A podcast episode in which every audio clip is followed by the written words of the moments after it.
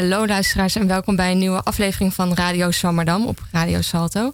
Vandaag hebben we het over het onderwerp dat de afgelopen weken en waarschijnlijk ook de komende maanden het nieuws gaat domineren: het klimaat. Wat we in de media over het klimaat horen, gaat vooral over de problemen die we met het klimaat hebben. En daar gaan we het vandaag ook zeker over hebben. Maar waar we het vandaag ook over gaan hebben, is wat we door alle problematiek misschien soms uit het oog verliezen. En dat is hoe bijzonder het klimaat en de natuur eigenlijk is. Vrees en verwondering dus vandaag in deze uitzending. Uh, we gaan dit bespreken uh, met twee gasten hier in de studio. Geert van der Meulen en Wendy Jesse. Uh, Geert van der Meulen die komt iets later, want die heeft problemen met de treinen. Maar die zal halverwege deze uitzending invallen. En ook aanwezig voor de eerste keer vandaag is onze columnist Tessa Sparreboom. Goedemorgen. Hallo, goedemorgen. Heb je er een beetje zin in? Ja, ontzettend. Ja, ik ben blij dat ik geen koptelefoon op hoef. Dat ik mezelf niet hoef te horen. uh, en de co-presentator vandaag is Thomas Batenaan. Goedemorgen. Goedemorgen. Uh, we beginnen vandaag met een uh, interview die ik van de week heb opgenomen bij Martijn Rep. Martijn Rep is hoogleraar fytopathologie aan de UvA in, of aan de UvA. en hij doet onderzoek naar de intelligentie van planten. maar voor daar, voordat we naar het interview gaan luisteren, luisteren even naar Lenette van Dongen, een stukje uit haar voorstelling Tegenwind, waar zij al een aardig uh, idee geeft hoe intelligent planten eigenlijk zijn. Ik wist niet dat plantjes sukkenzeikers zijn, zeg. jongen, jongen, plantjes. Je zet zo'n plantje met al je liefde in de grond. Zit hij met zo'n bek naar je te kijken. Wat is een plantje? Ik wil hier staan, ik wil daar staan. Goed, je graaft hem uit, je zet hem weer in de grond. Sta je hier beter? Nee, want hier tocht het. Dat had ik niet gezien, sorry. Maar als het tocht, dan krijg ik spint en dan vallen allemaal blaadjes eraf. Mag ik het daar proberen? Nou, je graaft hem weer uit, je zet hem waar hij dan wijst. Maar ja, daar was het weer te nat voor zijn worteltjes. Dan gaat het weer rotten. Op een gegeven moment kijkt hij me aan. Hij zegt, ogenblik, is dit zandgrond? Ja, plantje, dit is zandgrond. We wonen in de duinen. Oh, kan ik het sowieso niet op. Ik ben namelijk een veenplant. Had je dat niet in het tuincentrum kunnen zeggen? Nou zeg, het stond op het kaartje in mijn potje. Er stond een stokje in mijn potje en een kaartje en er stond het op. Veenplant. En als we nou toch een functioneringsgesprek hebben, mevrouw de tuinvrouw. Op mijn kaartje stond een heel zonnetje. En waar heb je me neergezet? Nou, nou, in een half zonnetje, dan ken ik het toch niet. Hij had gelijk, ik had hem in half schaduw gezet. En uh, hij zou 60 centimeter hoog worden, dikke steel, veel gele bloemetjes, een kaars, zeg maar daar was de zon. En wat pegging naar de zon. Dus in plaats van klein, dik en sterk werd hij langer en slapper en hing hij zo uit die boorden. Ik denk, oh god, dat kind, ik een stokjes bij. Ik denk, wil geen stokjes, ga weg met je stokjes. Hij wou duidelijk naar de zon en hij werd alsmaar langer en slapper... en lag op een gegeven moment 1,50 meter slappe groene steel over mijn gras. Hij had zijn bloemen uiteindelijk in de zon, hij had ze zin. We hebben net een stukje van Lenette van Dongen gehoord. Is dat een beetje wat u uh, voor ogen heeft bij intelligentie bij planten? Nou, we doen niet onderzoek naar intelligentie van nee. planten. dat woord gebruiken wij niet. Dus we doen eigenlijk we doen onderzoek naar de, bijvoorbeeld, wat een heel belangrijk deel is, naar hoe planten kunnen reageren op hun omgeving als ze worden geïnfecteerd. Ja. En dat is zo, uh, ja, dat is zo'n complexiteit en zo'n verfijndheid, zou je kunnen zeggen. Waarbij dus planten allerlei dingen blijkbaar kunnen waarnemen en heel, heel gericht te kunnen reageren ja. op hun omgeving. Of het nou licht is, of water, of inderdaad micro-organismen. Of, je leert door dit onderzoek en van je, al je collega's over de wereld natuurlijk, hoe, uh, hoe bijzonder het eigenlijk is. En, en ja, wat intelligentie is, is denk ik gewoon een vraag. Waar het in ieder geval misschien wel mee te maken heeft dat, dat, dat, je dat, dat sommige mensen dat, dat, dat woord intelligentie gebruiken. Is misschien wel inderdaad doordat dat, dat er een grotere uh, uh, waarnemingsvermogen en een responsvermogen in planten zitten dan we misschien zouden denken. En waarin uitzicht dat dan? Die, dat nou, wat, die, uh, wat in, de, in dat stukje terugkwam van die cabaretière is dat planten bijvoorbeeld inderdaad uh, licht waarnemen dan er naartoe groeien. Weet je wat? Dat is een. Uh, en dat, dat wortels ook. Of dat ze ook zwaartekracht kunnen waarnemen, bijvoorbeeld. Weet je, dat de wortels dan reden gaan de omhoog. Maar dat ze ook kunnen, als het worden. Als iets probeert te infecteren ergens, dan kunnen ze er ook heel gericht op reageren. Zodat dat stukje proberen te verstevigingen te maken, zodat het, die infectie niet verder kan komen, bijvoorbeeld. Of soms zelfs kiezen om weefsel echt zelfmoord te laten plegen, waardoor het waardoor het ook niet meer geschikt is voor, het, voor de binnendringer om, om verder te kunnen groeien zeg maar, de intelligentie is natuurlijk een soort, zit eigenlijk een beetje vergelijking met mensen in. En wij nemen waardoor ons zenuwstelsel onder andere en zintuigen. Maar dat hebben planten allemaal niet, in ieder geval geen zenuwstelsel. Nee, nou ja, ze hebben geen zenuwstelsel dat wij het kennen, maar ze kunnen wel degelijk. Uh, ze hebben natuurlijk wel een vaatstelsel, dus dat is een. Uh, vooral met houtvaten die, weet je, om de suikers, bijvoorbeeld de suiker, met name suikers in de bladeren worden gegenereerd met zonlicht, om die of de planten verspreiden naar de wortels bijvoorbeeld. En ook het water en de mineralen vanuit de wortels weer over de rest van de plant kunnen verspreiden. Dus ze hebben, dus, ze hebben dus een bepaalde organisatie en ook, dus, er is ook communicatie mogelijk tussen die verschillende weefsels. En dat gaat dan via, dat kan via hormonen gaan, via signaalstoffen. Die kunnen zich door die hele plant heen gaan bewegen. Dus als een één blad bijvoorbeeld geïnfecteerd wordt, kan het immuunsysteem in de rest van de plant al worden versterkt, om zo maar te zeggen via signaalstoffen die door die plant heen gaan. Ja. En ze kunnen zelfs elektrische signalen doorgeven, lijkt. Bijvoorbeeld het bekende kruisje niet. Dat is, die reageert in feite uh, doordat er een elektrisch signaal doorgegeven wordt van, van één stukje van het blad naar de, naar de bladbasis bijvoorbeeld. Dus dat zou je dan als een soort van zenuwstelsel kunnen beschouwen. Ja.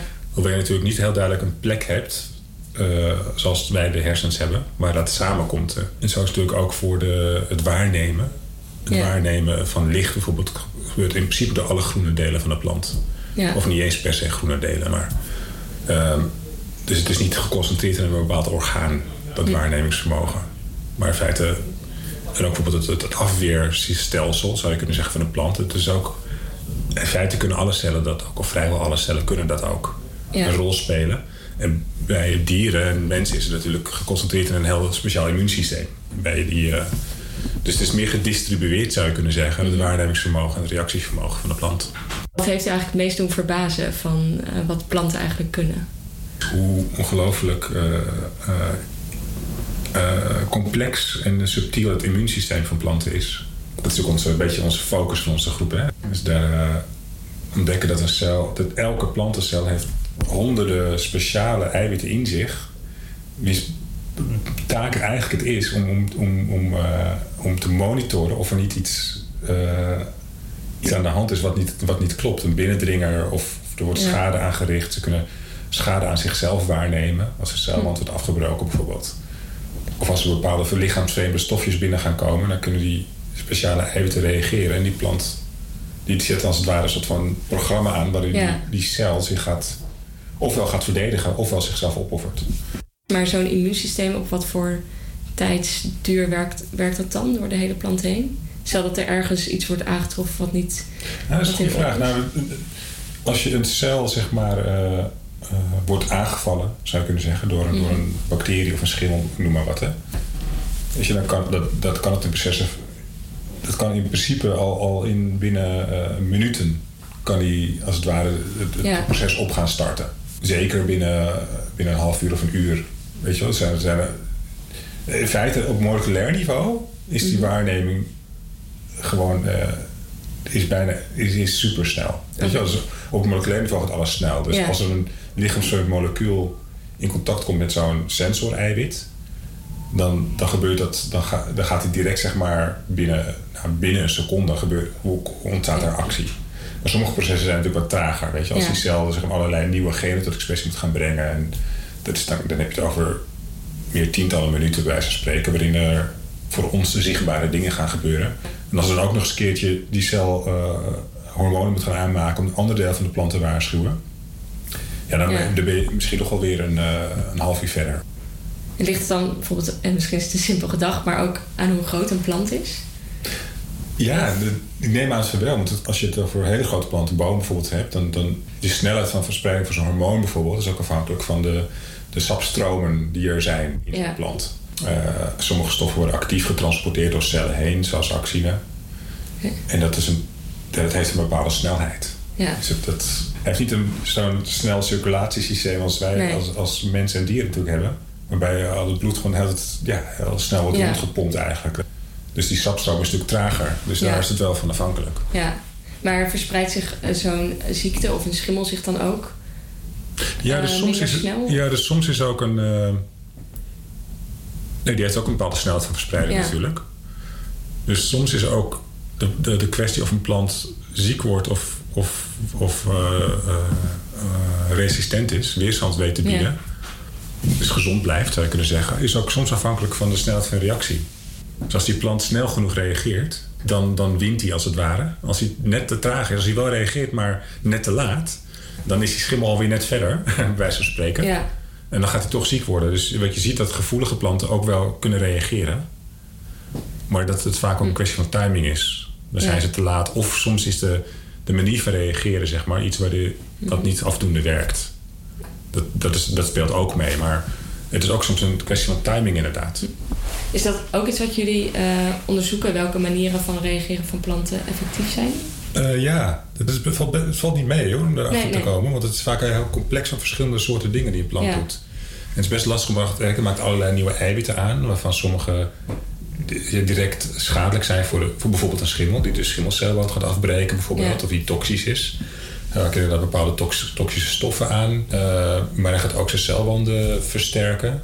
Om te- fysiek echt te voorkomen dat zo. En dan gaat hij er ook weer daar bijvoorbeeld bepaalde eh, nare stofjes in fysieke barrière, dat het Ja, mak- minder makkelijk een cel binnendringt. ja, dus het doet allerlei dingen tegelijk. En het is, soms is ook wel de combinatie van allerlei maatregelen die net zeg maar eh, afdoende is om de, om de ontwikkeling van die pathogenen, voor, voor die schimmel bijvoorbeeld te stoppen. Ja. Of genoeg, genoeg af te remmen dat die plant er geen last van heeft. Dus ik denk, ik, ik denk wat erop neerkomt is dat, dat je niet echt één golden bullet Nee, kunt vinden. nee. Misschien het ultieme doel is misschien planten helpen makkelijker te overleven? Of is dat... eh, Ja, maar dat, is al, dat gebeurt eigenlijk al. Hè? Dus Ja. daarom werken, weet je, soms ontdekken we ook wel eens iets van... hé, hey, dit, dit, zo kan het immuunsysteem van een plant versterkt worden. Of wel genetisch, weet je wel. Doordat we vergelijken met wilde soorten. Bijvoorbeeld onze landbouwproducten. Of landbouwplanten, zo maar zeggen. Gewassen. Bijvoorbeeld voor tomaten werken veel mee. En er zijn ook wilde tomaten. En soms zijn die resistent. Terwijl onze cultuurtomaat gevoelig is voor iets. En dan gaan we kijken hoe kan het dat die resistent is. En als je, soms, als je er, er komt, soms komen we erachter waarom die wilde tomaat resistent is. Of het tegen schimmel is of tegen insecten. Eh, soms kan het ook als het ware in, genetisch ingekruist worden. Via veredeling kan het dan in onze cultuurtomaat terechtkomen. En dan heb je een... eh, dus dat soort dingen gebeuren ook echt. Dat doen, Ja, al- ja. En, en dat doen bedrijven. En Ook Nederlandse bedrijven zijn daar goed in. En daar werken we ook mee samen. Want soms dan, eh, ontdekken wij bijvoorbeeld een nieuw mechanisme of een nieuw principe. En eh, door die samenwerking kom je vaak eh, tussen de academici en de, en de bedrijven. Ehm, ja, kun je er soms echt tot de hele concrete stappen komen. Als u dit bijvoorbeeld aan andere mensen vertelt, merkt u dat er dan meer waardering of zo komt voor planten? Want, Ja, of, of inderdaad meer idee van... oh ja, weet je, we zijn totaal afhankelijk van de planten als mens. De hele, de hele planeet is totaal afhankelijk van planten en van de diversiteit ook. Weet je, dat, dat we hebben natuurlijk een aantal landbouwgewassen... waar het maar een ontzettend beperkte genetische eh, variatie heeft. En hoe belangrijk het is om de oorspronkelijke... of de, de, de, de gigantische variatie die in de natuur is... dat die behouden blijft. Ja, dat was net het voorbeeld natuurlijk dat dan Precies, eh, ja. die planten wel resistent voor iets zijn. Wat, eh, Zelfs, zelfs gecultiveerde, maar oude rassen van planten, zeg maar, Mhm. die, die dreigen te verdwijnen door, door moderne rassen. Weet je wel, er zijn ook initiatieven om die, die zaden, op zijn minst dan maar de zaden, van die oude rassen wel ergens zo goed mogelijk te bewaren. Want er zitten nog, zitten nog eigenschappen in die we anders gewoon voor eeuwig kwijt zijn. Ja. ja, en de ziektes die zo, of de- de vijanden eigenlijk Ja. die de planten aanvallen, die veranderen natuurlijk ook Ja. continu. Ja, Dus die blijven ook niet hetzelfde. Dus, precies. Het is een, het is een, een wedloop, zou je kunnen zeggen. Die al natuurlijk al miljoenen en miljoenen jaren Ja. aan de gang is in de natuur. Maar omdat wij natuurlijk zo heel ingrijpende dingen aan het doen zijn. Met monoculturen en heel veel ja, gronduitputting. Nou ja, van allerlei dingen die, we, die we natuurlijk in evolutionaire tijd een soort van ineens gebeuren nu. Krijg je natuurlijk een enorme verstoring van het evenwicht. Van het natuurlijke evenwicht. Dus de, de, de, ja, de pathogenen. Die dus, je kunt zeggen dat het altijd een soort van bepaald evenwicht is. Van bepaalde worden ziek en anderen overleven het. Dan gaan we door. Het is een evolutionair proces. En nu gaan we bepaalde dingen zo versnellen dat... Ja, dat Omdat de mens ingrijpt eigenlijk. ja, natuurlijk. We versnellen dat proces. Die, eh, en die, al die schimmels en bacteriën die gewoon daar gewoon zijn... en die ook nooit weg zullen gaan... Nee. die reageren daar ook op. Ja, dus eigenlijk eh, moeten we de natuur gewoon meer zijn gang laten gaan. Of, Nou ja, of niet. bestuderen. Nou ja, en dat is, dat, ik denk dat, dat dat één deel van het verhaal is. Het andere Mhm. deel is dat wij...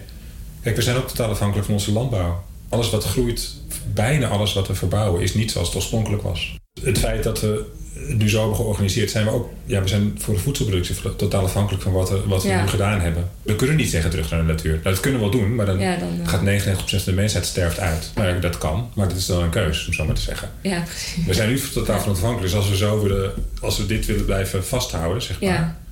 Deze manier voor hoe we nu leven met elkaar... dan moeten we onze gewassen gericht helpen. Want die we hebben ze als het ware de, de, de evolutiemogelijkheden ontnomen door, door ze alles gecontroleerd te doen. Dus we laten geen variatie ontstaan en we laten geen selectie ontstaan op, de, op, op, op die manier. Moeten we dat, als we het willen laten bestaan, moeten wij dat actief doen dus. Wij moeten de, onze planten helpen om de strijd aan te gaan. Met de steeds evoluerende virussen, bacteriën en schimmels. Ja, dat was uh, Martijn Rep over zijn onderzoek naar uh, nou, dus niet naar de intelligentie van planten eigenlijk. Uh, maar laten we nog heel even teruggaan naar het plantje van Lennet van Dongen. Want uh, over menselijk ingrijpen, dat, uh, het liep niet goed af met het plantje. Ja, ik wou mijn gras maaien, dus ik zeg, til jij je hoofd ja, eens even op. Ja, nou, ik, ik, ik, heb toch geen buikspier, ik kan niet meer overeind. Ik zeg, dan los ik het zelf op. Hier, ruh, ruh. Ja, Thomas, wat zou je zeggen? ik wilde zeggen dat ik het heel herkenbaar vind. Want ik zou zelf wel willen dat mijn kamerplanten soms tegen mij praten, want ze gaan altijd dood. En ik weet nooit waar het aan ligt. Het voelt een beetje als zo'n baby die huilt en dat je niet helemaal weet wat je moet doen zodat hij niet meer huilt. Ja, misschien kan dit erbij helpen, dit stukje. ik weet goed, het niet. Het, liep dus niet heel uh, goed af met het plantje. Um, maar goed, ik, ja, ik vond het zelf super interessant om uh, met Martijn Rep te praten en uh, over hoeveel uh, we eigenlijk nog niet weten van planten en hoeveel er eigenlijk in planten omgaat. En uh, een ander onderwerp waar ik me ook over verbaasd heb, is uh, het onderzoek van Wendy Jesse. En Wendy, jij bent promovendus aan de VU. en in december vorig jaar, of in december 2017, was je hier ook de gast. Um, dat was een uitzending over nieuwkomers. Kan je nog even kort uitleggen waar jouw onderzoek misschien over gaat? Ja, tuurlijk. Um, nou, mijn onderzoek heeft als focus dat ik exotische soorten onderzoek. En exotische soorten zijn planten of dieren of schimmels of uh, bacteriën die eigenlijk oorspronkelijk niet in een gebied voorkomen, maar ergens anders van, van, vandaan komen. Bijvoorbeeld als een soort in Nederland wordt geïntroduceerd door de mens, maar komt uit Zuid-Amerika bijvoorbeeld. Um, ja, dan, dan komen ze hier binnen en eigenlijk weten we niet zo goed wat er dan mee gebeurt. We weten eigenlijk uh, heel weinig over de effecten van bijvoorbeeld exotische plantensoorten. Dus mijn onderzoek kijkt eigenlijk uh, waar komen deze soorten vandaan uh, en kunnen we voorspellen welke soorten exoot worden. Um, en als ze ergens nieuw, opnieuw binnen zijn, nieuw binnen zijn gekomen, waar kunnen we ze dan vinden? Zijn er bepaalde regels waar die de exoten dan aan voldoen? En uiteindelijk ook wat is het effect en kunnen we dat voorspellen? Dus eigenlijk dat hele proces ben ik aan het onderzoeken.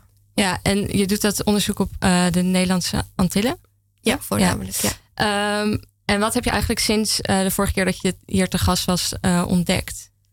Nou ja, ik kijk dus naar die verschillende vragen. vorige keer um, praat ik vooral over, nou, als ze exoot zijn. Ik keek toen voornamelijk, of eigenlijk nog steeds, naar, voor, naar reptielen. Dus um, wat ik heb uh, gevonden was dat exotische reptielen op de Nederlandse Antillen komen vooral voor in urbane gebieden, dus ge bebouwde gebieden. En ze blijven eigenlijk heel erg dicht bij mensen.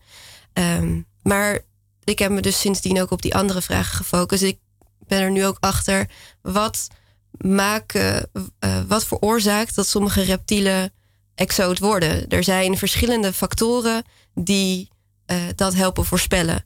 Um, er zijn uh, bepaalde plekken waar ze voorkomen. Ze komen heel vaak al dicht bij mensen voor. Dus hebben een grotere kans om getransporteerd te worden naar, naar de Nederlandse Antillen in dit geval.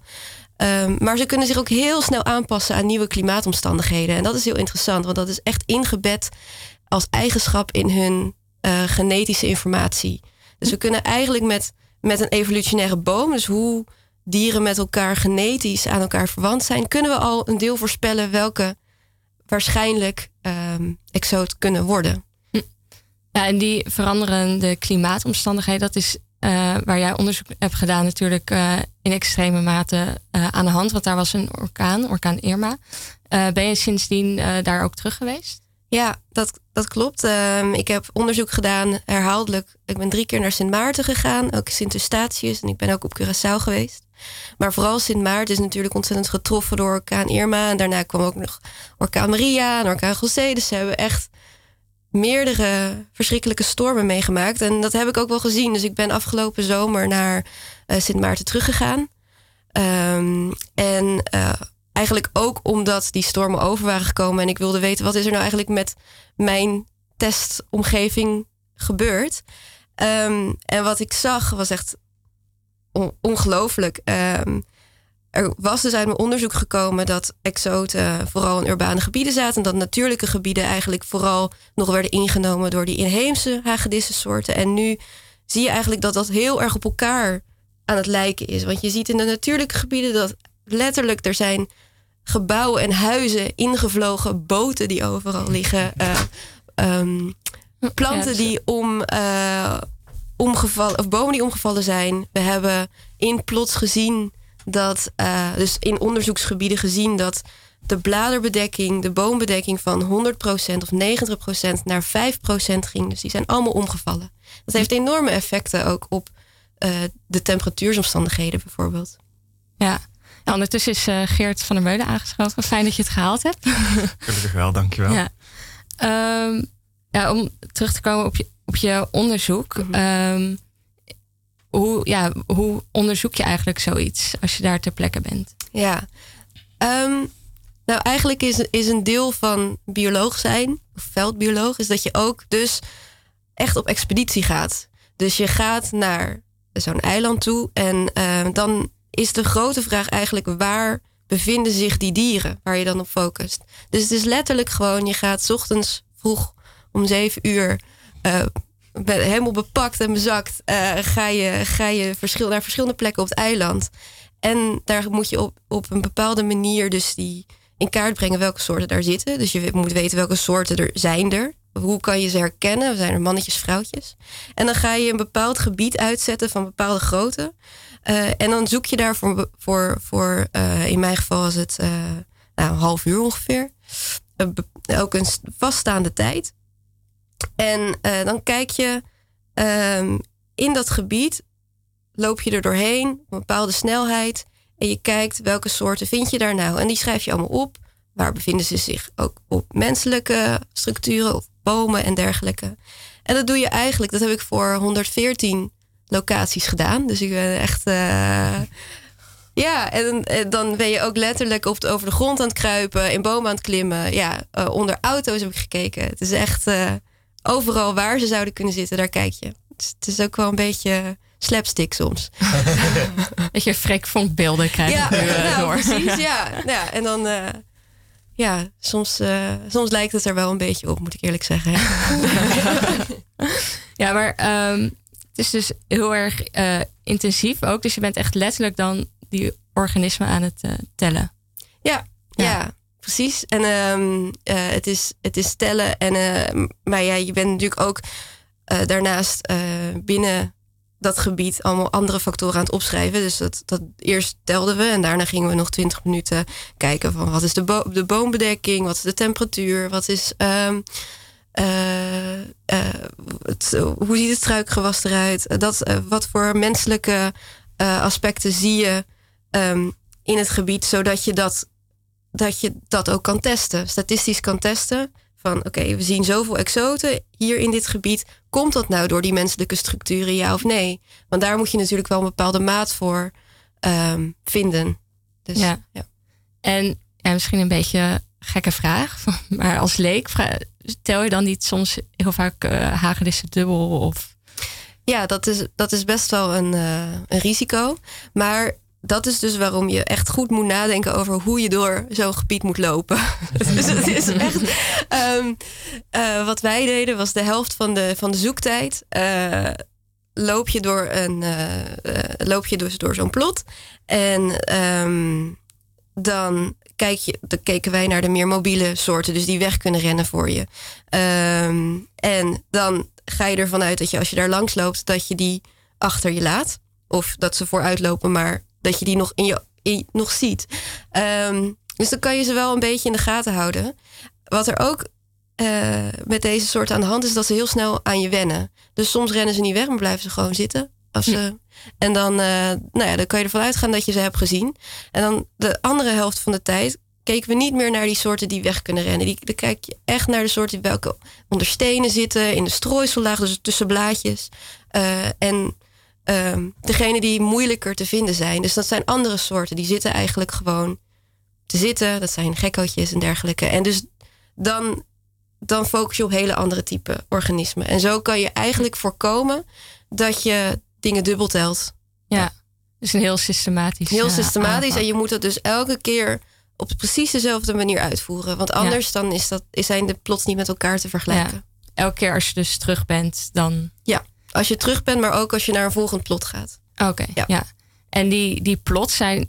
Uh, je had het net over nou, huizen die nu midden in zo'n plot liggen door die orkaan.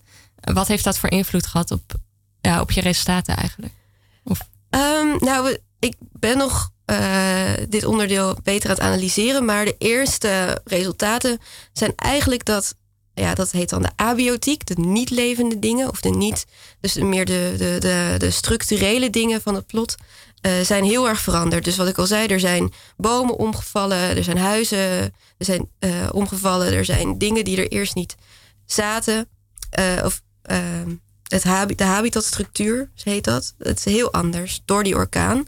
Maar eigenlijk zijn de dieren waar ik me op focus niet zo heel erg uh, daarvan onder de indruk. Dus ze kunnen net zo makkelijk op een boom zitten als, uh, als, op, een, uh, als op, een, op een huis of een omgevallen huis.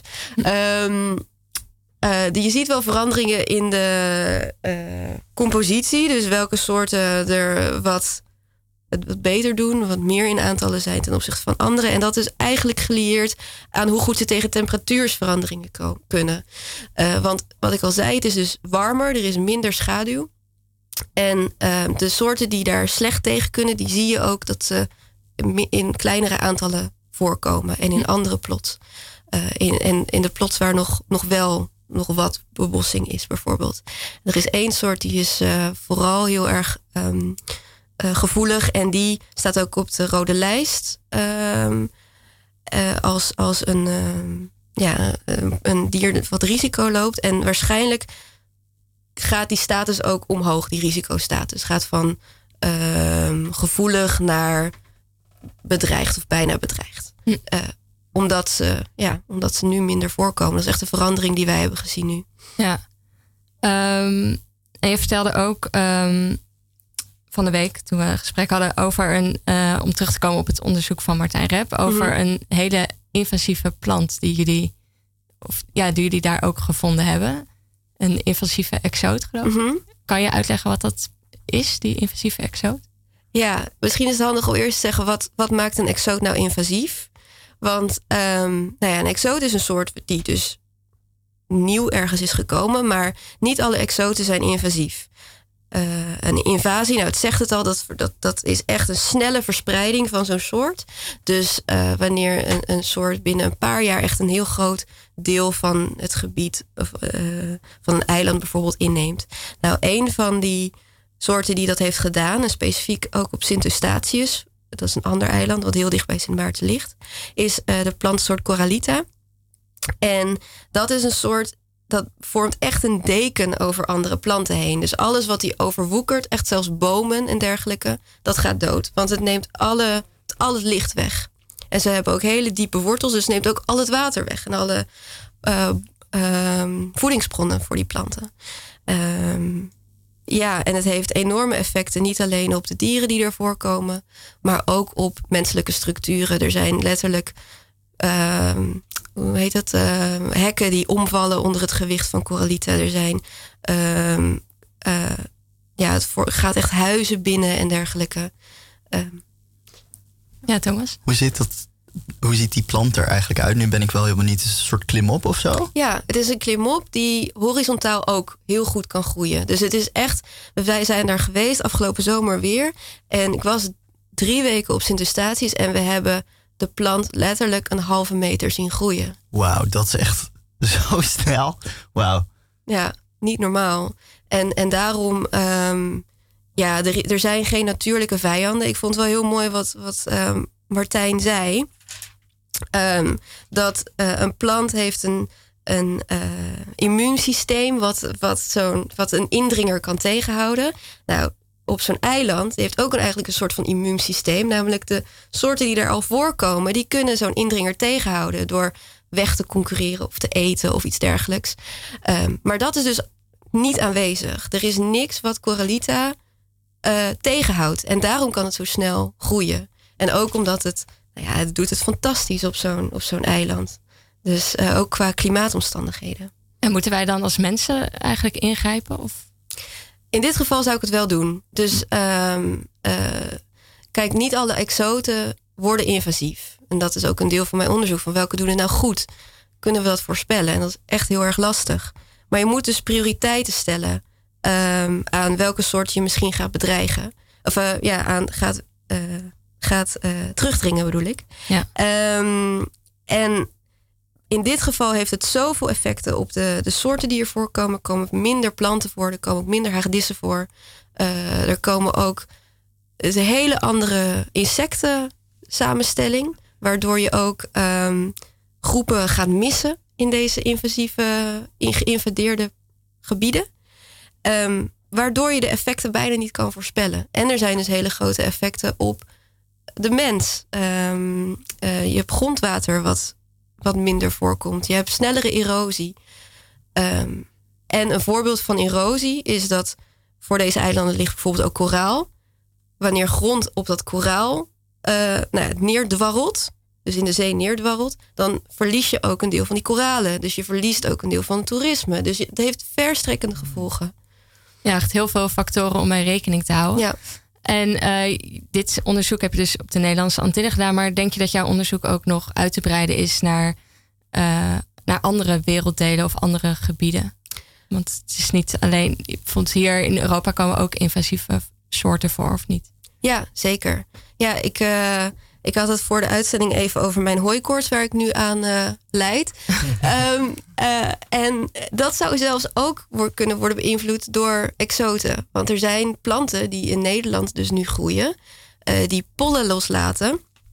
Um, en daar zijn wij gewoon niet op of aangepast. Ons immuunsysteem kent die pollen eigenlijk niet. Dus het zou kunnen zijn dat mensen daarop gaan reageren. En dus dat er meer mensen of langere tijd hooikoorts kunnen krijgen.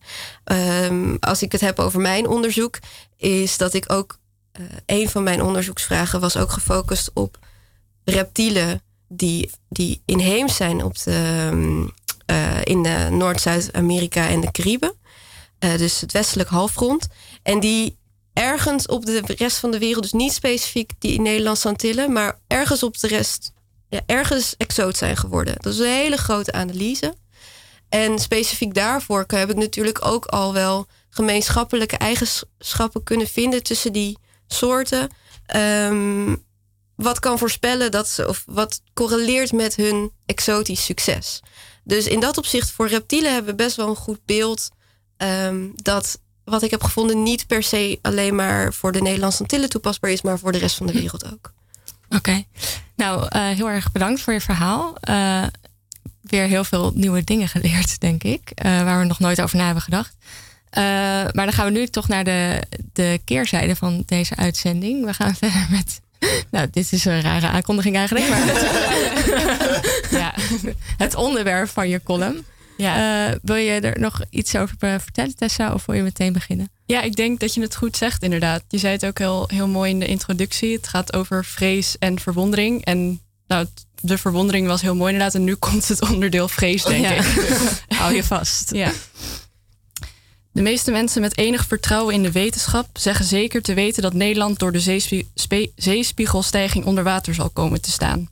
Diezelfde mensen wijken geen meter van hun randstedelijke woningen, omdat ze minstens zo zeker zijn dat de wetenschap wel weer met een oplossing zal komen. Desnoods bouwt een crisisteam de Noordzee om tot een infinity pool met West-Nederland als uitzicht. Het maakt niet uit, als wij maar niet naar de achterhoek hoeven. Zelf probeer ik mij te laten geruststellen door de vraagbaak www.overstroomik.nl te raadplegen.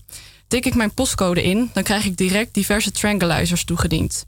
Jouw locatie ligt binnen een dijkring en wordt beschermd door waterkeringen. De kans op overstroming is heel klein, zo klinkt het goede nieuws.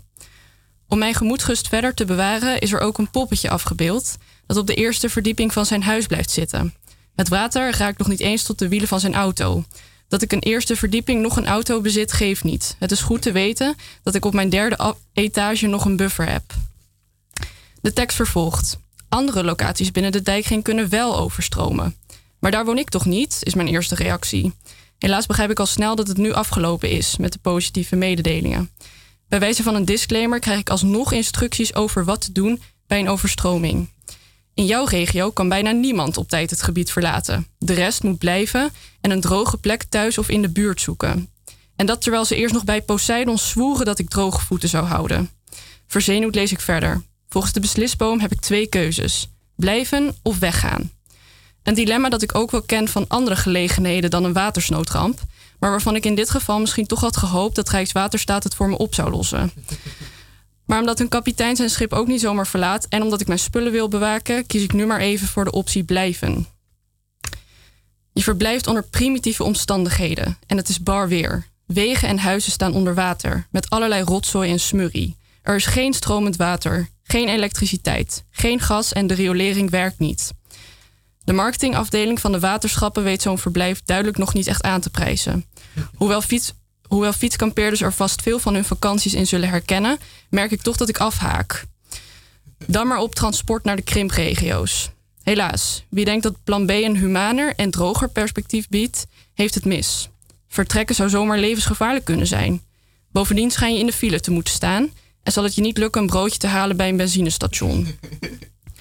Als ik dit alles zo lees, merk ik dat er sterk geleund zou moeten worden op de auto die ik dus niet heb. Voor stumpers zonder vervoermiddel met een motor kan ik slechts één tip ontdekken. Hang maar een wit laken uit je raam en bid tot de waternimfen dat iemand zich er wat van aantrekt. Ik stel me voor hoe ik als in een tekenfilm de seconde voordat het water via het raam naar binnen stroomt aan boord van een speedbootje stap.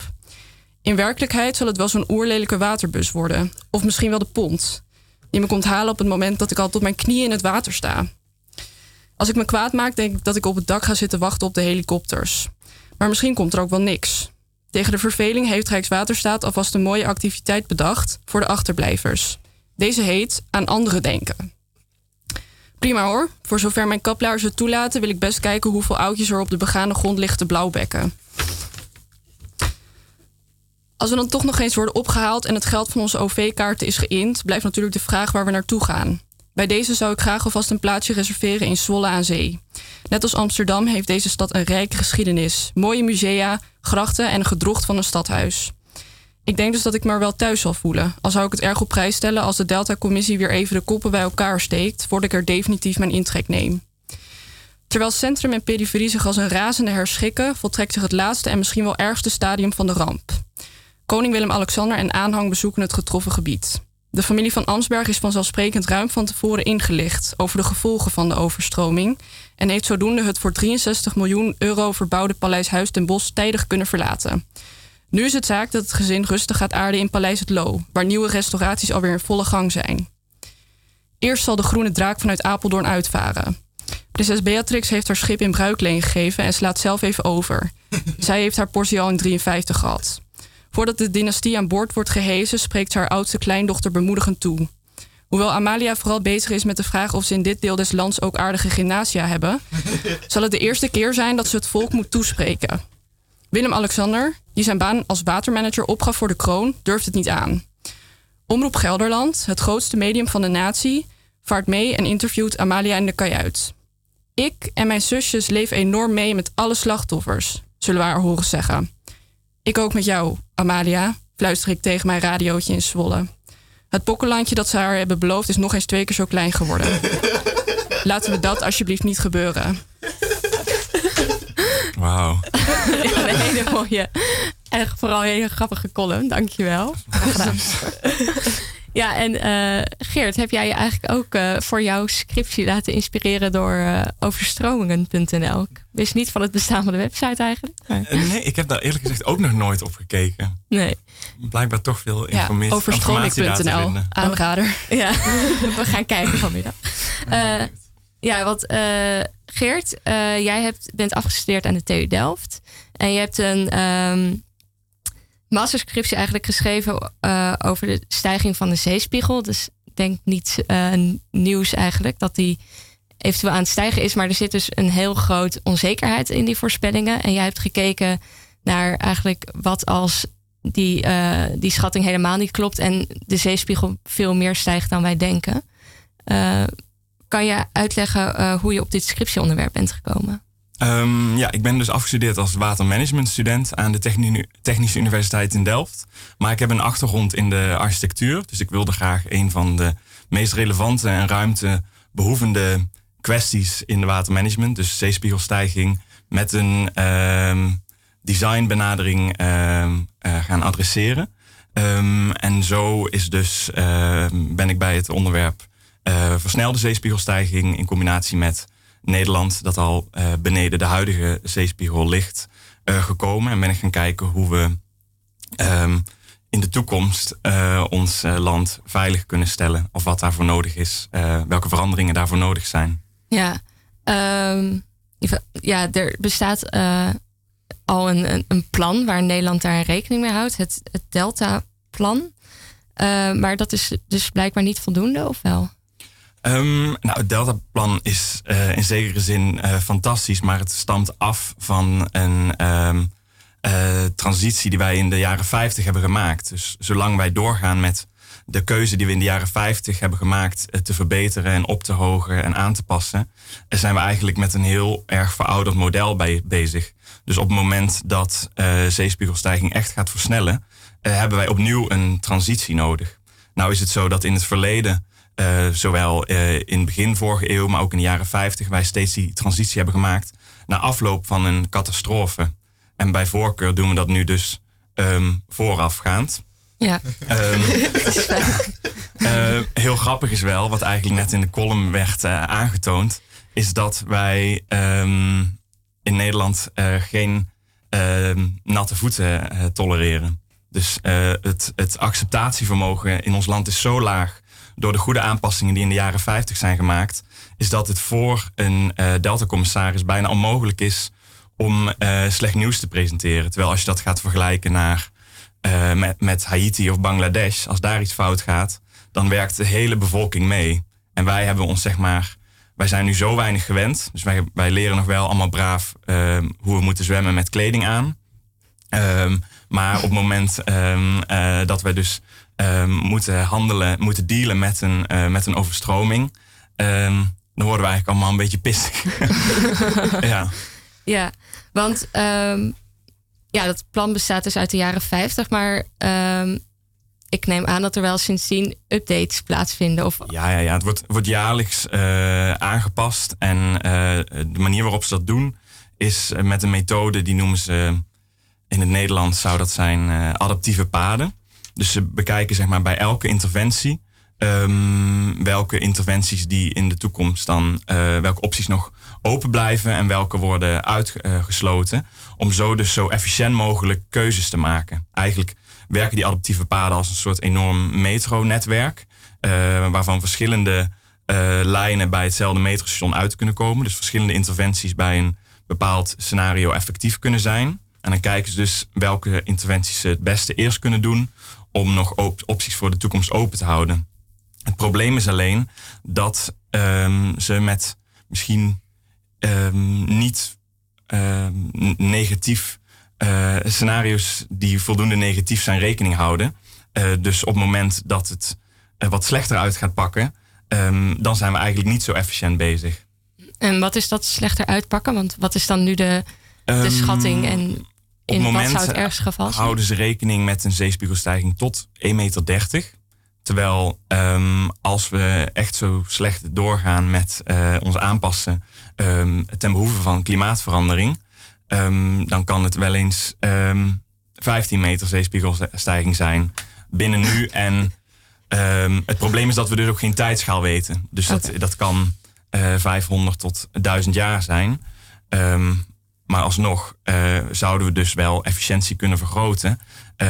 door rekening te houden met misschien wat extremere uitkomsten van zeespiegelstijging. Ja, en dat is dus eigenlijk waar jij hebt naar gekeken in je. Ja, in nou, niet 15 meter. Uh, Ik heb voor mij de grens bij 10 meter gezet, omdat het dan uh, het iets makkelijker maakt om designbeslissingen te nemen voor het ontwerp voor een nieuw Nederland.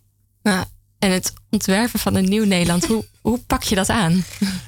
Ja, dat is heel, heel erg lastig. Uh, ik ben eerst begonnen met kijken waar alle uitdagingen liggen uh, voor Nederland. Met, uh, dat er rekening moet houden met het versnellen van zeespiegelstijging. Dus allereerst gaan kijken hoe Nederland eruit zou zien zonder alle bouwwerken die we nu hebben neergezet om water buiten te houden. En dan gaan kijken hoe het karakter van Nederland verandert op het moment dat zeespiegel gaat stijgen. Dus het karakter bedoel je echt gewoon welke de vorm, delen. Ja, het contour van ons land, uh, heel simpel gezegd. Uh, dus want Nederland is een, bevindt zich in een delta. Dus dat betekent dat het bestaat uit processen van sedimentatie en erosie. En op het moment dat dus de eroderende factor gaat versnellen, dan kan sedimentatie daar niet tegenop. En dan verliezen we eigenlijk onze delta-stabiliteit. En worden we een estuarium. Um, wat, maar daarnaast, wat is dat precies? Um, een delta even kijken hoe ik dit heel makkelijk uit kan leggen. Een delta is in principe waar de uh, sedimentatie groter is dan de erosie. Dus dan krijg je een soort delta driehoekigvormig uh, uh, stuk um, tussen de zee en, het, en waar de rivieren bij de zee samenkomen. en in het estuarium is het andersom. Dus dan is ehm, de rivier niet voedend genoeg en is het gebied tussen land en water veel natter. Oké. Ja. Ja. Um, even kijken, waar was ik? Uh, maar er zijn nog veel meer uitdagingen uh, waar uh, Nederland mee te maken heeft. Bijvoorbeeld hoe we um, dijken kunnen inpassen op het moment dat zeespiegels 10 meter hoger liggen en de dijk, het profiel van een dijk hetzelfde blijft, gaat dat frictie veroorzaken met verstedelijk gebied. Ook waar we ons zand vandaan halen om land op te hogen en de duinen en de stranden um, te voeden. hoe we de haven van Rotterdam en de haven van Amsterdam uh, toegankelijk kunnen houden als de zeespiegels 10 meter hoger liggen. Uh, en ik ben uh, zeg maar gaan kijken hoe zich dat vertaalt in ruimte en in beeld. Want normaal worden al deze onderzoeken gedaan in nummertjes en in wetenschappelijke artikelen. En ik heb juist overal een, um, het onderzoek van een plaatje voorzien, van een, van een um, plattegrond. zodat je iets bespreekbaar kan maken en kan kijken, oké, wat is gewenst en wat willen we niet. Dus aan de hand daarvan ben ik gaan kijken, oké, hoe kunnen we um, um, um, kustlijnverkorting uh, prioritiseren of meer een dynamisch karakter van de kustlijn. Zou je dat kunnen uitleggen wat, het, wat die twee termen zijn? Dus kustlijnverkorting en ja. dynamisch. in het verleden, toen we erachter kwamen dat uh, je settelen in Nederland eigenlijk niet zo'n goed idee is, zijn we uh, begonnen met het uh, verkorten van de kustlijn. Dat betekent dat we enerzijds land zijn gaan terugwinnen van de zee. Zoals je bijvoorbeeld in uh, alle polders, maar ook in uh, Flevoland ziet. Uh, en daarnaast zijn we de kustlijn gaan verkorten met um, bouwwerken. Dus op het moment dat we heel de Zuiderzee van de Noordzee moesten beschermen, was dat um, aantal 100 kilometer. En op het moment dat we de afsluitdijk hebben gebouwd, bleef daarvan nog maar 32 kilometer over. Dus zo maak je het veel makkelijker om het achterliggende gebied te beschermen. Maar dan worden we wel volledig afhankelijk van die uh, dijk van 32 kilometer. Ja.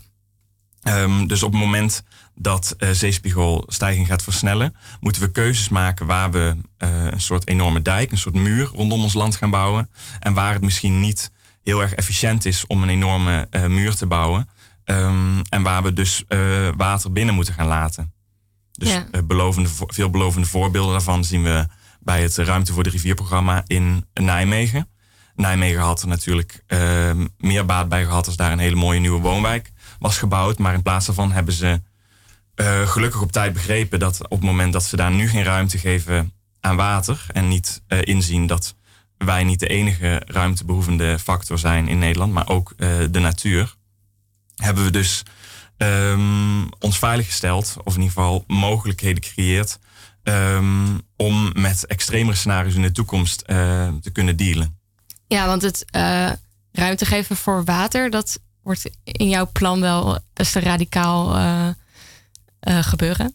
Ja, precies. Ja, wat, want hoe ziet dat in, in jouw nieuwe Nederland er dan uit, dat de ruimte geven voor het water? Um, ik ben heel hard en objectief gaan kijken naar de verdeling van een aantal um, lagen in Nederland die gerelateerd zijn aan overstromingsrisicobeheer. Dus dat is allereerst natuurlijk waar bevinden zich de dijken. Waar bevindt zich natuur? wat is, welke gebieden leveren de, hoogste, leveren de hoogste bijdrage aan het bruto binnenlands product? waar bevindt zich de hoogste bevolkingsdichtheid?